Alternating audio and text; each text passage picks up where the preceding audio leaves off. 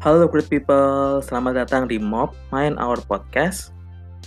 Seperti biasa, saya Pandu Pratama di sini akan menemani teman-teman semua dengan informasi-informasi yang positif dan bermanfaat terkait dengan financial, management, business, entrepreneurship, bahkan beberapa hal tentang entertainment, K-drama, K-pop, dan lain sebagainya.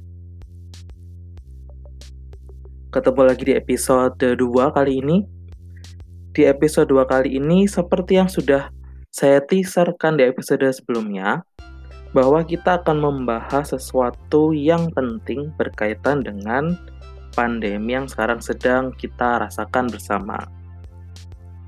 Ya, bukan hanya teman-teman yang merasakan pandemi ini, saya pun juga merasakan dampaknya, dampak negatif, dampak positif, semuanya saya juga merasakan.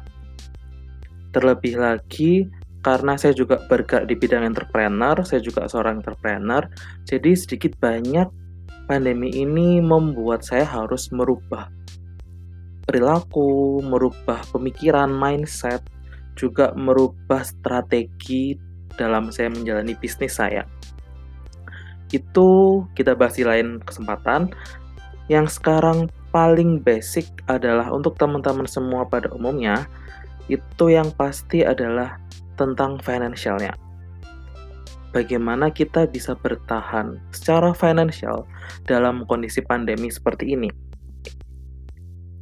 Karena tidak dipungkiri dan kita tidak bisa munafik ya teman-teman, ada banyak sekali teman-teman kita di luar sana, great people yang sedang mendengarkan mungkin juga merasakan hal tersebut entah itu gajinya dipotong, tunjangan nggak keluar, bonus belum diberikan, mungkin ada yang kemarin THR-nya harus diundur sampai ke akhir tahun, dan bahkan mungkin ada yang harus dirumahkan unpaid leave, jadi benar-benar dirumahkan tanpa ada pesangon. Mungkin ada yang bisnisnya lagi terpuruk sekali, teman-teman yang ada di perhotelan, di bidang hospitality, di bidang travel, pariwisata, sangat merasakan dampaknya. Saya turut prihatin dengan kondisi tersebut dan semoga teman-teman bisa cepat pulih secara kondisi mental, secara kondisi emosional, secara finansial juga bisa cepat pulih dari dampak negatif tersebut. Nah, untuk teman-teman yang masih stabil atau bahkan ada yang rezekinya malah makin bertambah nih dari pandemi ini, please keep your head down. Ya, semoga itu benar ya uh, ungkapannya.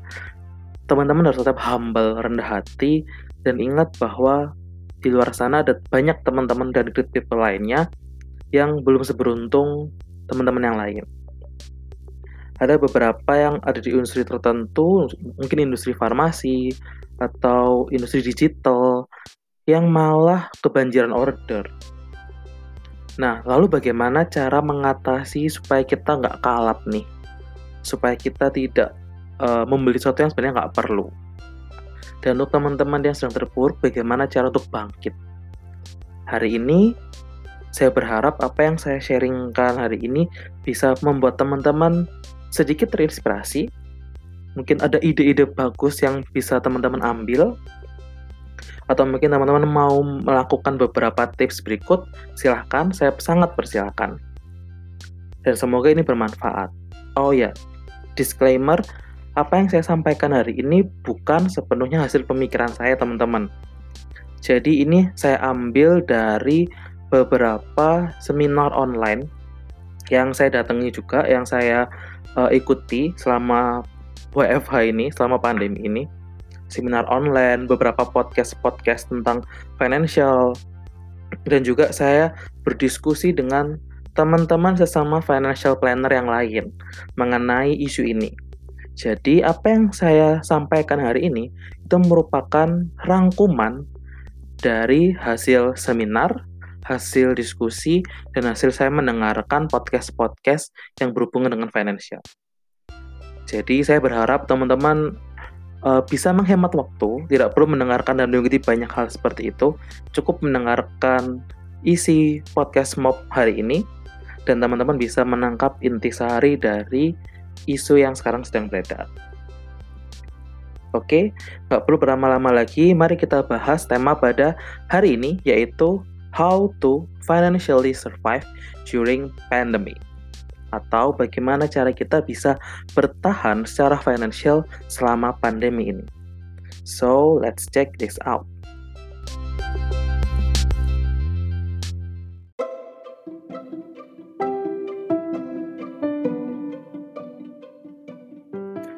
Ya, great people. Yang pertama yang sebaiknya kita lakukan adalah mengendalikan emosi yang sedang kita rasakan. Jadi kita harus mengakui dengan jujur dan menerima perasaan negatif yang kita rasakan. Perasaan sedih, marah, khawatir, bingung, menyalahkan sesuatu, menyalahkan orang lain, itu adalah perasaan-perasaan negatif yang harus kita selesaikan. Sebelum membahas tentang strategi dan memilih cara atau strategi keuangan yang harus kita kerjakan. Uh, kenapa? Karena ada salah satu coach di seminar yang saya ikuti mengatakan bahwa emosi negatif ini akan terus terbawa dan ini akan membuat kita tidak bisa berjalan atau tidak bisa move on lah istilahnya dari kondisi ini. Kenapa? Karena kondisi ini adalah kondisi yang dirasakan semua orang. Jadi bukan hanya teman-teman yang ada dalam posisi seperti ini tapi orang lain di luar sana, di seluruh dunia juga merasakan hal yang sama. Dan banyak dari mereka yang sudah bangkit. Jadi kalau mereka bisa, kita juga pasti bisa.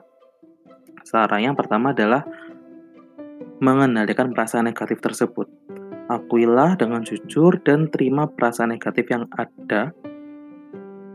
Dan yang kedua, kita netralkan perasaan negatif itu ini salah satu cara yang saya dapatkan dari seminar online yang saya uh, hadiri yaitu dengan mengerjakan hal-hal positif. Contohnya bersedekah membaca buku atau melakukan hal-hal yang kita sukai untuk menetralkan perasaan negatif itu. Itu hal yang bisa kita kerjakan. Nah setelah perasaan negatif itu sudah mulai hilang mungkin awalnya kita ada di tingkat 10 nih, atau sampai 10 ada tingkat 10, saat perasaan negatif itu berangsur-angsur turun skornya dari 10 ke 8, ke 6, 4, 2, 1 dan kita usahakan bisa sampai 0. Jadi sampai kita tidak merasakan hal negatif itu, ya kita menganggap ini adalah kondisi wajar, kondisi biasa. Jadi saat kita sudah merasakan itu, maka kita sudah siap untuk mengambil langkah selanjutnya.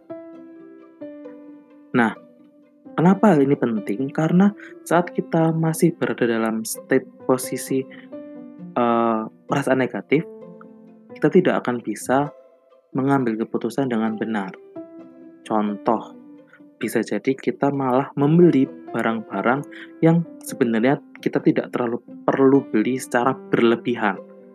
Contoh memborong masker ya kita perlu beli mungkin satu dua dus lah ya untuk uh, persediaan. Nggak perlu kan sampai dibeli diborong semuanya apalagi dijual lagi dengan harga yang dua tiga kali lipat. Ini nanti akan ada pembahasan tentang ini tapi yang saya rasakan yaitu sebenarnya di luar hati nurani ya mungkin kalau saya bilang. Jadi bisa-bisanya hal yang sangat dibutuhkan oleh masyarakat pada era sekarang malah kita kapitalisasi sendiri. Kalau saya secara prinsip pribadi, saya sangat tidak setuju dengan hal tersebut. Mungkin untuk teman-teman yang lain yang setuju, silahkan. Lalu yang kedua, ya mungkin kita nggak perlu lah borong hand sanitizer, borong-borong vitamin, karena di luar sana juga banyak yang memerlukan hal tersebut. Seperti itu teman-teman.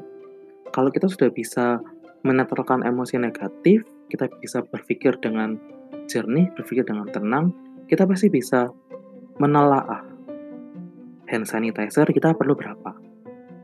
Toh sebenarnya juga nggak perlu terlalu banyak kecuali teman-teman selalu di luar rumah. Kalau teman-teman susah untuk bisa cuci tangan pakai sabun, ya itu pasti diperlukan. Tapi untuk teman-teman yang selalu berada di rumah, Ya sebenarnya beli hand sanitizer sampai beli hand sanitizer sampai berliter-liter itu ya sebenarnya menurut saya sih kurang berfaedah. Seperti itu. Terus memborong vitamin. Ya kita perlu vitamin, tapi yang paling kita perlukan adalah vitamin alami. Dengan cara makan makanan bergizi, uh, berolahraga, tidur yang cukup dan hal-hal yang sebenarnya itu normatif.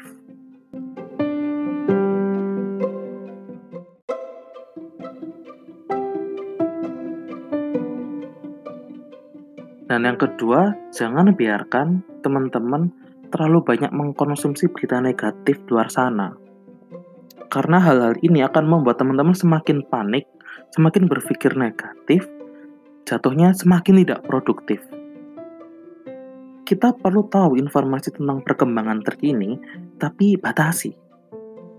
Jangan menelan semua informasi, karena dalam kondisi sekarang banyak sekali hoax yang beredar. Contoh, kemarin ada yang bilang tanaman ini bisa memulihkan corona pakai jahe pakai ini pakai itu. Ya karena semuanya belum ada penelitian lebih lanjut. Pakai vitamin A vitamin B dan sebagainya. Jadi pastikan untuk membatasi akses informasi yang teman-teman terima terkait pandemi. Lalu tadi berkaitan dengan emosi poin pertama poin kedua catat teman-teman harus mencatat. Mencatat apa? Mencatat pengeluaran dan mencatat pemasukan teman-teman. Untuk pengeluaran, catat semua pengeluaran teman-teman. Lalu silakan buat skala prioritasnya. Skala prioritas ini bisa dengan cara memilih mana yang merupakan kebutuhan, yang merupakan fixed cost teman-teman. Contohnya, bayar air, bayar listrik. Mungkin yang punya uh, sudah memiliki anak, sudah berkeluarga, SPP anak, uang uang jajan mungkin ya nggak terlalu perlu ya karena mereka pun juga di rumah. Mungkin yang ada ART, asisten rumah tangga itu juga kita perlu perhitungkan fixed cost-nya. Dan yang jelas cicilan, cicilan teman-teman perlu dicatat. Cicilan KPR, cicilan yang produktif, mungkin cicilan bisnis, modal bisnis atau cicilan konsumtif, cicilan kartu kredit, cicilan uh, gadget dan lain sebagainya perlu teman-teman list dan catat semuanya. Semua hal-hal yang fix yang harus kewajiban yang harus kita tunaikan dicatat semuanya. Nah, dari situ kita bisa prioritaskan mana saja yang harus kita bayarkan, harus ya. Contoh cicilan itu harus sekali. Kalau enggak ya bisa bahaya lalu biaya-biaya hidup dasar, biaya hidup makan, minum, kebutuhan dasar, listrik, air, mungkin telekomunikasi, telepon, internet, itu sekarang jadi kebutuhan dasar. Nah, setelah itu teman-teman harus menurunkan lifestyle. Jadi sesuatu yang sebenarnya kita nggak perlu-perlu banget kurangi.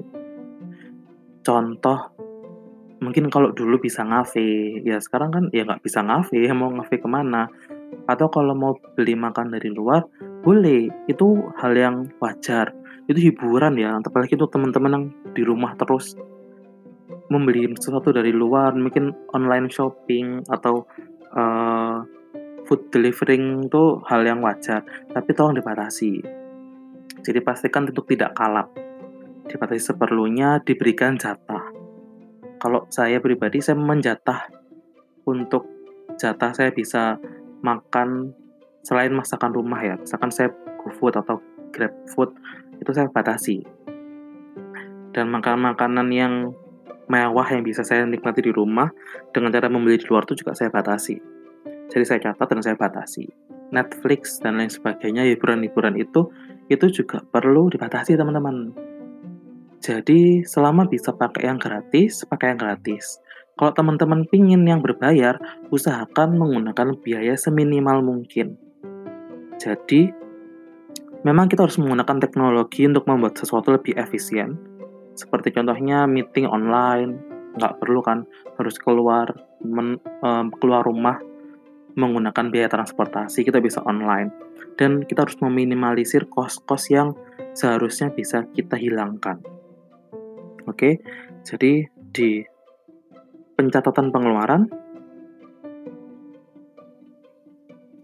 buat skala prioritasnya, pilih mana yang merupakan fixed cost, pastikan itu dibayar. Lalu untuk cicilan, lunasi cicilan teman-teman. Usahakan lunasi dari yang paling kecil. Dan untuk yang paling besar tuh cicil minimalnya. Atau kalau yang sudah punya uh, term tertentu, sudah pasti per bulan sekian ya itu harus masuk harus dimasukkan fixed cost dan harus benar-benar dibayarkan jadi usahakan jangan menambah cicilan baru. Seperti itu teman-teman ya. Saya akan bahas di hal di poin berikutnya. Lalu catat pemasukan. Nah untuk mencatat pemasukan ini teman-teman harus catat semua sumber income yang masih bisa teman-teman dapat. Dan catat kira-kira berapa lama sumber income itu bisa kalian nikmati. Misal, untuk teman-teman yang bekerja di perusahaan, gaji yang sekarang teman-teman terima dengan jumlah nominal sekarang itu kira-kira nih bisa kalian nikmati berapa lama. Nah, teman-teman bisa lihat kondisi perusahaan yang ada. Apakah keuangan perusahaan bermasalah berdampak dengan adanya COVID ini atau enggak? Kan semuanya teman-teman sendiri yang bisa mengira-ngira nih. Apakah sudah ada potongan gaji? Kalau sudah dipotong gajinya, kira-kira hasil yang ini akan bertahan segitu tuh berapa lama atau mungkin akan ada pemotongan gaji lagi yang lain. Nah, seperti itu ya teman-teman ya. Lalu untuk teman-teman yang berbisnis atau punya sumber income yang lain selain gaji, teman-teman catat juga dan perkirakan income itu bisa ada sampai berapa lama. Seperti itu. Dan kita harus mencatat aset-aset apa saja yang kita miliki dan bisa dijual. Contoh motor, mobil, perhiasan, elektronik, misal punya HP atau gadget lebih dari satu, kita harus mempersiapkan dan mencatat aset-aset tersebut. Kenapa? Untuk mempersiapkan worst case-nya worst case itu apa? Misal tidak ada sumber income lagi, gaji berhenti, unpaid tidak tidak punya sumber income lagi, nggak ada bisnis yang bisa dipakai pegangan, cuma berpegang pada gaji itu dan itu pun sudah tidak ada, maka mau nggak mau aset itu yang harus dijual. Nah, jangan pinjam dulu ya teman-teman ya. Usahakan kalau masih punya aset, yang bisa dicairkan atau bisa diuangkan, diuangkan dulu. Misal ada motor, ya sebisa mungkin jika memang kira-kira itu tidak bisa tidak dipakai dulu, ya mungkin bisa digadaikan. Atau yang punya HP lebih dari satu, ada yang punya tab, ada yang punya iPad dan lain sebagainya itu bisa masuk ke gadai dulu. Mungkin ada yang uh, punya motor dan mobil, mungkin nih mobilnya dulu yang masuk karena mobil kan pengeluarannya lebih besar. Bensinnya juga lebih mahal maintenance juga lebih mahal. Jadi mungkin mobilnya dulu yang masuk ke pegadaian atau masuk ke untuk mau dijual sebenarnya saya lebih menyarankan pegadaian sih. Karena kalau kita bisa membayar lagi cicilan itu atau membayar lagi hutangnya kita bisa ambil lagi barangnya. Jadi kita nggak perlu membeli yang baru dengan tipe yang sama atau membeli barang yang baru untuk jenis itu seperti teman-teman. Jadi kenapa kita harus catat asetnya? Untuk menghindari meminjam atau pinjaman-pinjaman lain saat gaji atau sumber income itu hilang. Tapi kalau misalkan sudah nggak ada aset lagi, ya mau nggak mau harus pinjam. Nah, untuk pinjam ini, usahakan teman-teman list. Teman-teman pinjam ini untuk apa? Pastikan kebutuhan yang teman-teman cukupi dari pinjaman ini adalah yang benar-benar primer, yang benar-benar teman-teman harus penuhi. Dan yang kedua, pastikan bunga pinjaman dan term waktu pinjamannya itu logis dan teman-teman bisa untuk mengembalikannya lagi. Karena di kondisi yang sekarang ini sangat tidak disarankan untuk membuka lubang pinjaman yang baru sebenarnya. Oke. Okay? Nah, untuk yang ketiga adalah untuk teman-teman yang masih memiliki income, setelah mencatat pengeluaran dan pemasukan, pastikan untuk teman-teman bisa membuat dana darurat. Ini yang poin ketiga. Seharusnya dana darurat itu disiapkan jauh-jauh hari, bukan pada saat pandemi baru menyiapkan dana darurat. Tapi untuk teman-teman yang sudah terlanjur, ya sudah, mari kita siapkan dana darurat kita. Harus menyiapkan dana darurat ini, itu ada beberapa teorinya, teman-teman bisa cari di internet. Banyak sekali yang saya sendiri yakini adalah minimal bisa untuk 3 6 bulan pengeluaran kita kalau kita single. Untuk yang berkeluarga, minimal bisa 6 12 bulan pengeluaran. Nah, pengeluarannya pastikan pengeluaran yang fixed income tadi ya, bukan yang lifestyle. Karena sebenarnya kan lifestyle pun kalau kita nggak lakukan atau kita nggak kerjakan, itu kan nggak apa-apa, mesti tidak berdampak banget kita harus hitung pengeluaran yang fixnya dulu.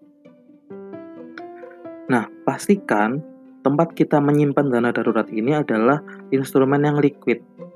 Kenapa? Karena kalau itu nggak liquid, kita nggak bisa ambil suatu waktu, teman-teman. Misal nih, dana darurat dirupakan emas, dirupakan tanah, dirupakan properti.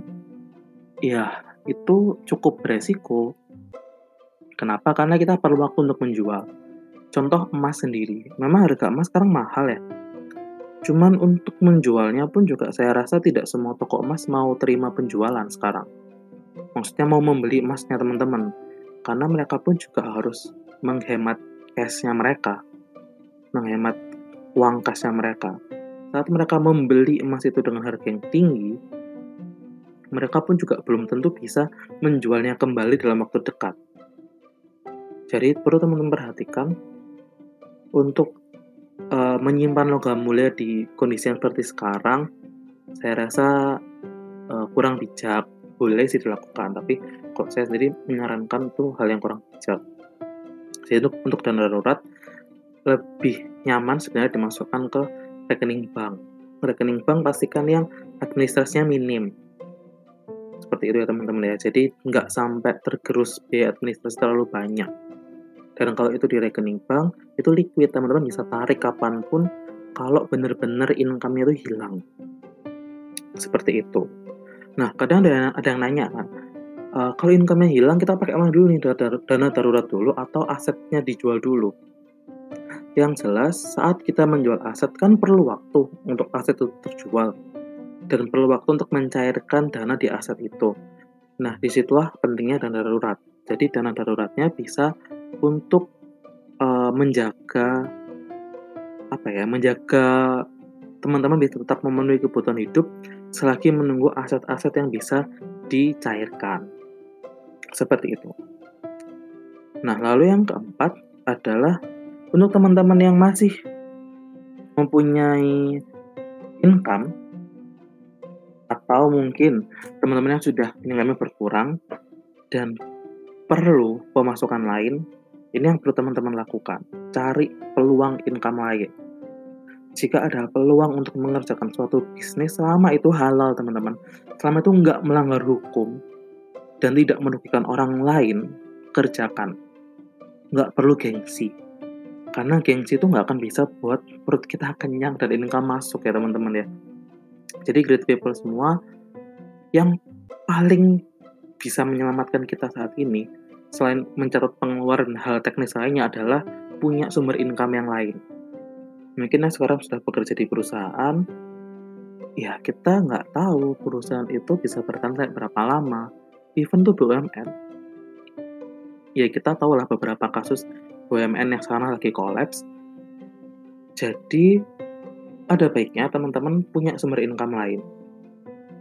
Entah itu berjualan makanan atau berjualan sekarang kan banyak tuh yang jualan makanan, reseller, uh, reseller barang-barang yang lain gitu atau bisnis-bisnis lain dan pastikan teman-teman tidak mengeluarkan terlalu banyak modal untuk bisnis baru teman-teman. Balik lagi, suatu bisnis yang berjalan pun juga perlu waktu merintisnya. Jadi pastikan teman-teman punya dana untuk teman-teman hidup. Lalu jika masih ada sisa dan bisa dipakai untuk modal berbisnis, gunakan. Dan pastikan bisnis itu bisa berjalan. Atau kalau memang modalnya minim, atau pingin bisnis yang modalnya minim, ya teman-teman bisa cari informasi. Kalau yang mau berdiskusi, saya buka karena saya punya beberapa referensi juga untuk bisnis-bisnis yang modalnya minim. Itu bisa kita bahas untuk lain waktu. Jadi pastikan teman-teman punya income lain yang masuk. Jadi terbuka secara mindset kepada peluang yang baru, yang penting ada sumber income lain yang terbentuk dan bisa masuk dengan cepat. Lalu yang kelima, tentang investasi. Jadi ada teman-teman yang sekarang mungkin banyak melihat harga saham sedang turun. Ya saat ini direkam, harga saham sudah mulai naik lagi ya teman-teman. Tapi yang jelas, saat harga saham turun, teman-teman nggak perlu untuk buru-buru investasi saham. Pastikan dana darurat teman-teman itu sudah mencukupi dulu Baru kalau ada sisa, gunakan untuk berinvestasi. Investasinya, yang pertama yang penting adalah investasi leher ke atas atau menginvestasikan otak teman-teman. Dengan cara apa? Mendevelop skill yang baru. Jadi, teman-teman pastikan selama pandemi ini, selama WFH ini, teman-teman bisa mempunyai minimal satu skill baru. Bisa skill itu skill yang mendukung skill yang lama misalnya nih teman-teman sudah punya skill menjahit. Nah, sekarang bisa mungkin belajar desain seperti itu. Atau mungkin mendevelop skill yang baru.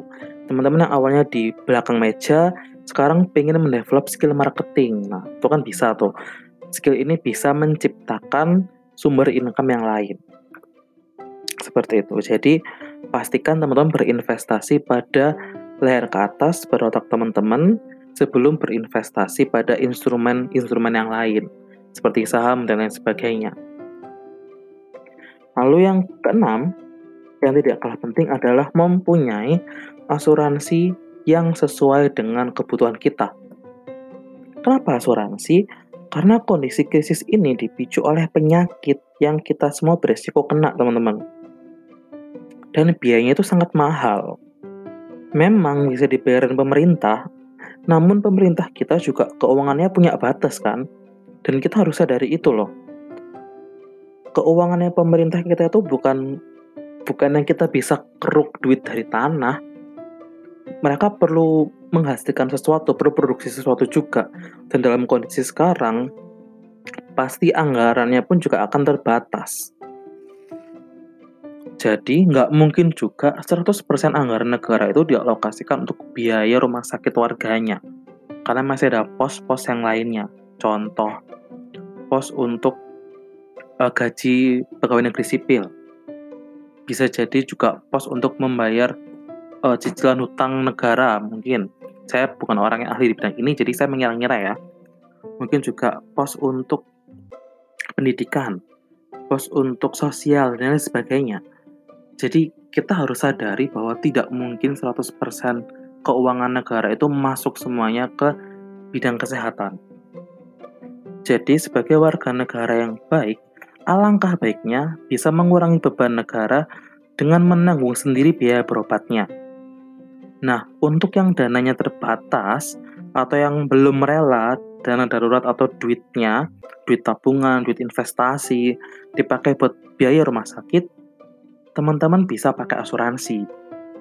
Karena dengan asuransi, teman-teman hanya menyisihkan 10-20% income teman-teman, dan teman-teman dapat limit untuk biaya rumah sakit itu cukup besar. Pastikan asuransi yang teman-teman beli itu sesuai dengan apa yang kalian inginkan. Gitu. Atau beli sesuai dengan kemampuan yang ada sekarang. Karena nanti bisa di-upgrade. Intinya punya dulu ya. Hashtag punya dulu. Karena ini hal yang penting teman-teman saat pandemi sekarang ini. Dan juga misalkan nih, worst case adalah kita meninggal dunia, bagaimana dengan istri, anak, dan keluarga kita jika kita tidak meninggalkan satu warisan. Nah, dengan teman-teman beli asuransi, teman-teman bisa menjamin keluarga teman-teman itu punya dana liquid yang bisa mereka pakai untuk bertahan hidup jika takdir berkata lain. Seperti itu ya teman-teman.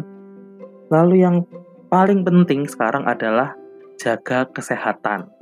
Oke. Di luar semua tips itu yang paling penting adalah jaga kesehatan. Karena selama kita sehat, kita nggak perlu mengeluarkan banyak biaya untuk berobat. Dan selama kita sehat, kita bisa masih bisa mencari sumber income lainnya. So, tadi itu 7 tips bagaimana kita bisa survive secara financial di pandemi ini. Yang pertama, mengendalikan emosi dan membatasi informasi. Yang kedua adalah mencatat pemasukan, pengeluaran, dan aset-aset yang kita miliki. Lalu yang ketiga, membuat dana darurat. Yang keempat, mencari peluang income lain. Yang kelima, berinvestasi dari layar ke atas. Yang keenam, mempunyai asuransi atau membeli asuransi yang sesuai. Dan yang ketujuh, jaga kesehatan.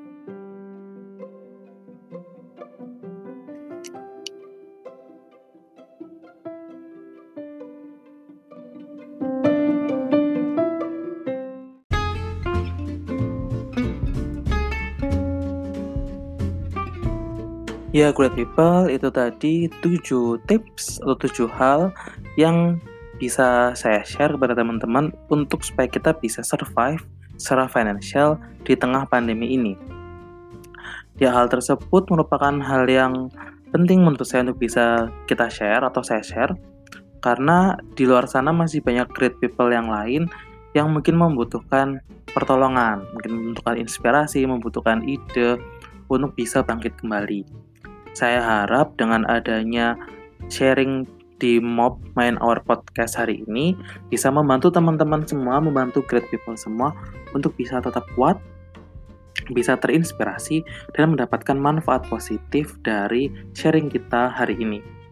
Oke, jadi semoga bermanfaat dan bila teman-teman merasakan manfaat dari mendengarkan podcast ini, jangan lupa rate up, like, subscribe, dan share ke teman-teman yang lain agar tidak hanya kita yang mendapatkan manfaat, tapi orang lain pun juga mendapatkan manfaat yang positif. Dan untuk teman-teman yang mau memberikan kritik, saran yang membangun, saya sangat terbuka sekali. Yang mau memberikan ide atau request pembahasan berikutnya, silahkan bisa hubungi saya di Instagram pribadi saya di @pandupratamanur di @pandupratamanur. Silahkan DM langsung, saya sangat terbuka dan semoga ini bermanfaat. Terima kasih telah mendengarkan podcast pada hari ini. Dan untuk episode berikutnya, saya akan memberikan surprise. Nah, jadi bagi yang ingin tahu surprise-nya apa, silakan dengarkan Mob Mind or Podcast di episode berikutnya. So, have a positive day and positive mind, keep healthy, and see you.